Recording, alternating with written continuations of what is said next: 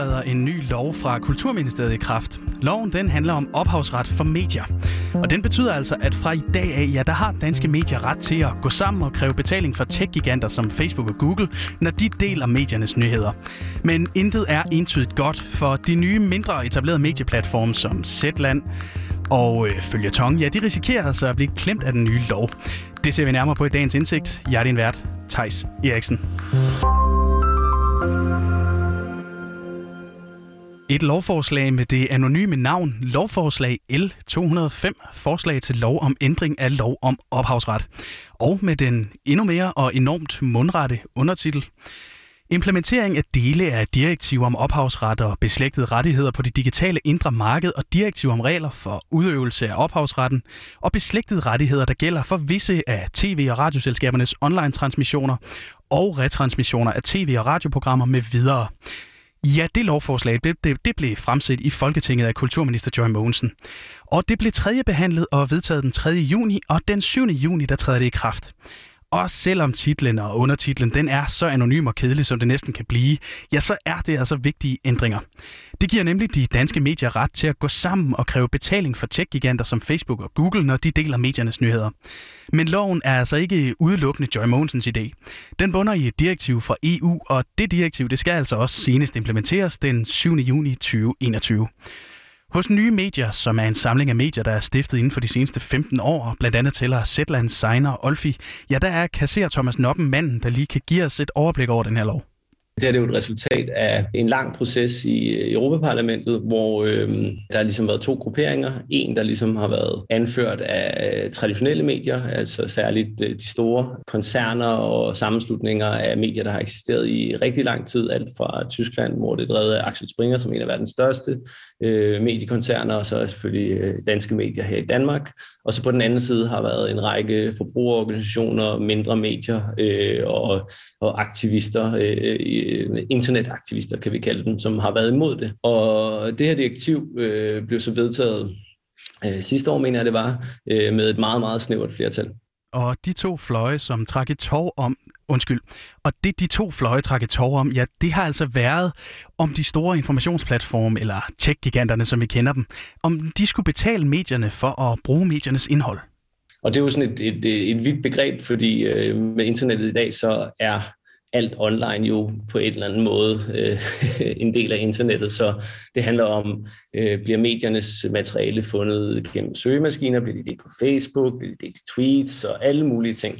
Og, og diskussionen har så været, øh, i hvor høj grad øh, mediernes indhold kan deles, og hvor stor del af mediernes indhold kan deles på de her platforme, og hvornår skal der falde en eller anden form for betaling. Og hvad siger så egentlig informationstjenesterne eller tech-giganterne selv til det her? Jo, altså, de har hele tiden fastholdt, at de bare er en del af infrastrukturen, og at de jo i øvrigt skaber trafik til medierne. Men hvorom alting er, ja, så kom direktivet altså fra EU, og det er nu blevet implementeret her i Danmark. Og inden vi går videre, så lad os lige få opklaret, hvad medierne de så mener om det. Og vi starter altså med danske medier og konstitueret administrerende direktør Marianne Sederkoff. Altså, danske medier er jo tilfredse med den lov, som langt hen ad vejen afspejler de ønsker, som medlemmerne havde til netop implementeringen af Publishers Right. Øh, næste skridt bliver for udgiverne at tage stilling til, hvordan de så ønsker at forvalte den her ret. Og mens det svar det er til at tage at føle på, ja, så er svaret altså noget længere hos Thomas Noppen og Nye Medier. For først og fremmest, så er der altså ifølge dem problemer, blandt andet med definitionen af, hvornår man skal betale for et link. Og øh, som vi kan se på den pressemeddelelse, der kom fra Kulturministeriet, så er der stadig øh, et åbent fortolkning på, hvad et link er, fordi et link kan være mange ting. Er det bare en, et tekstfelt, der fører dig til en hjemmeside, eller er det et hyperlink, som viser øh, det, man kalder et snippet af en artikel, øh, for eksempel overskrift og underrubrik. I kulturministerens tekst forstår jeg, at hvis man for eksempel viser et uddrag, så skal man finde en eller anden form for at betale. Og desuden så siger den danske lovgivning altså, at medierne, som tidligere nævnt, kan gå sammen, som eksempelvis musikere og musikbranchen gør med Koda og Gramex, og så forhandles som en gruppe med tech-giganterne. Og det er egentlig også ved forhandlingerne, at nye medier ser problemer. For for det første, ja, så skal man altså definere en værdi af et link. Og revisionsfirmaet Deloitte, de har regnet på det, og de mener, at et link har en værdi på mellem 30 og 45 øre. Men er det så per klik, er det per link, eller er det per henvisning? Det er det, der er lidt svært ved at vurdere, fordi det er, sådan, der er jo en masse faktorer, der er inde over det her. Det er, øh, hvor meget tjener for eksempel Google på Google Search, hvor meget tjener man øh, på øh, øh et Facebook-link, og hvordan kan Facebook altså, bruge annoncer til at målrette øh, x antal ting. Øhm, og altså det helt store spørgsmål er jo, at øh, medierne øh, i mange år øh, har tjent rigtig mange penge på annoncer før internettet. Og da internettet kom, så øh, sige, at Facebook og Google er betydeligt bedre til at monitorere og, og målrette de her annoncer, og der er en del af den her annonceindtægt, der er øh, flyttet over til dem. Og der er der et argument, der hedder, at de stjæler annoncekronerne. Og det er jo selvfølgelig super ærgerligt, hvis man har baseret hele sine øh, øh indtægter, meget store indtægter i mange år på annoncer. Og her, ja, der er vi så efter en del indledende manøvre nået til, hvorfor nye medier, altså modsat de større og mere etablerede danske medier, ikke er de mest begejstrede for den her nye lovgivning. For nye medier, medlemmer, der altså ikke fokuserer på annoncer primært, men i stedet på at få nye abonnenter ind i stallen, der er links, som har en god og fangende overskrift og lidt teasertekst og måske endda et billede, altså en måde at lokke folk ind i butikken, og måske i sidste ende også lokke dem til at købe et abonnement. Og det står altså i kontrast til de traditionelle medier, der i højere grad har direkte læsere, hvor folk altså selv skriver DR.dk, IB.dk eller Pol.dk i søgefeltet, og så kommer direkte ind på mediet. Og på den måde, ja, så er sociale medier og de her links altså i højere grad et kioskvindue for nye mediers medlemmer. Der, hvor loven er et problem nu, det er, den går ind og sætter nogle begrænsninger på, hvad det er, man må dele, før der fører en betaling. Og det kan medføre en masse problemer, fordi hvis nu man kun må lave en rubrik på 7, 8, 10 år, og en underrubrik på 6 år, så kan man jo ikke øh, altså, øh, give læseren en smagsprøve på, hvad det egentlig er, de skal have. Og, og vi kan jo stå i et problem, hvor, hvor Google for ikke at ville betale, simpelthen bare sætter begrænsningen ned på, hvad man ligesom har af muligheder for at, at, at skrive sine rubrikker og underrubrikker. Det er jo medierne selv, der definerer, hvad det er, der skal optræde i søgningen. Og, og det er her, hvor vi er ret bekymrede for, at, at, at det kan blive et problem for os.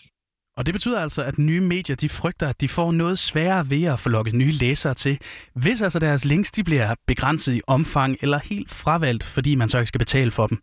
Men de kritikpunkter, dem forstår Marianne Sederkoff og danske medier altså ikke helt. Ja, det, det tror jeg ikke, jeg helt kan se, øh, hvorfor det skulle gøre. Der er jo ikke tale om en aftale, øh, men en lov. Og nogle medier vil måske kræve betaling, og andre vil ikke. Øh, bottom line er, at der skal være en aftale. Og så er det jo netop præciseret i loven, at enhver udgiver er frit stillet, om man vil licensiere sit indhold eller ej. Så der er sådan set øh, rig mulighed for at tage begge holdninger. Og som Marianne Sederkoff rigtig nok påpeger, så er der altså i loven blevet indført en mulighed for, at de enkelte medier de kan vælge at opt-out af aftalen, og altså simpelthen sige, at deres indhold det ikke skal dækkes af betalingen. Noget, som nye medier altså også er ret glade for. De frygter bare det juridiske arbejde i at vælge betaling fra, og så sikre sig, at man samtidig ikke skriver under på en masse andre ting i stedet. At det forstår en byrde for de små medier, der altså heller ikke må få mediestøtte, eller kan få mediestøtte. Og ifølge kulturminister Joy Mogensen, så er den her lov altså faktisk kun det første skridt på vejen til regulering af tech-giganterne. Og det er altså noget, som danske medier de hilser velkommen. Noget af det, øh, næste, som danske medier er optaget af, det er jo den fortsatte fokus på at skabe lige vilkår mellem medier og store platforme, altså nogle fornuftige rammebetingelser. Det skal jo både ske på den korte bane i forhold til implementeringen af anden halvdel af, af direktivet om ophavsret, som ligger og venter, og så selvfølgelig også det løbende arbejde i EU med øh, DSA og DMA, altså øh, Digital Service Act og Digital Market Act. Hos nye medier, ja, der gætter Thomas Noppen så dog på, at næste skridt, som Joy Mogensen refererer til, det vil være at få tech-giganterne til at betale mere skat, og så forsøge at forpligte platformene til at moderere deres indhold i højere grad. Men uanset hvad næste skridt er, så er konklusionen altså, at danske medier er glade for den nye rettighedslov og gerne ser den videreudviklet, mens nye medier de gerne så noget andet. Øh, sådan som det var før. Altså der, hvor vi har stor kontrol med, hvad det er, vi deler, og, og hvordan vi skruer det sammen i forhold til, hvordan vi trækker folkene ind, var egentlig en fin løsning. Og, og man kan jo også som medie, eller det, det, det kunne man, det man altid kunne, man kan jo også vælge at sørge for, at ens hjemmeside ikke bliver indekseret. Det, det, det har altid været en mulighed. Så, så, så, så, så vi synes egentlig bare, at, at tingene kunne have været, som de var øh, på forhånd. Men loven, den træder i kraft 7. juni, og hvordan den så nu bliver forvaltet, og om den kommer til at koste kunder for mindre netbaserede medier, det vil tiden vise. Det var alt for dagens indsigt. Den var tilrettelagt af Flora Jul Holst, Jonas Jacobsen og mig, Tejs Eriksen. Tak fordi du lyttede med.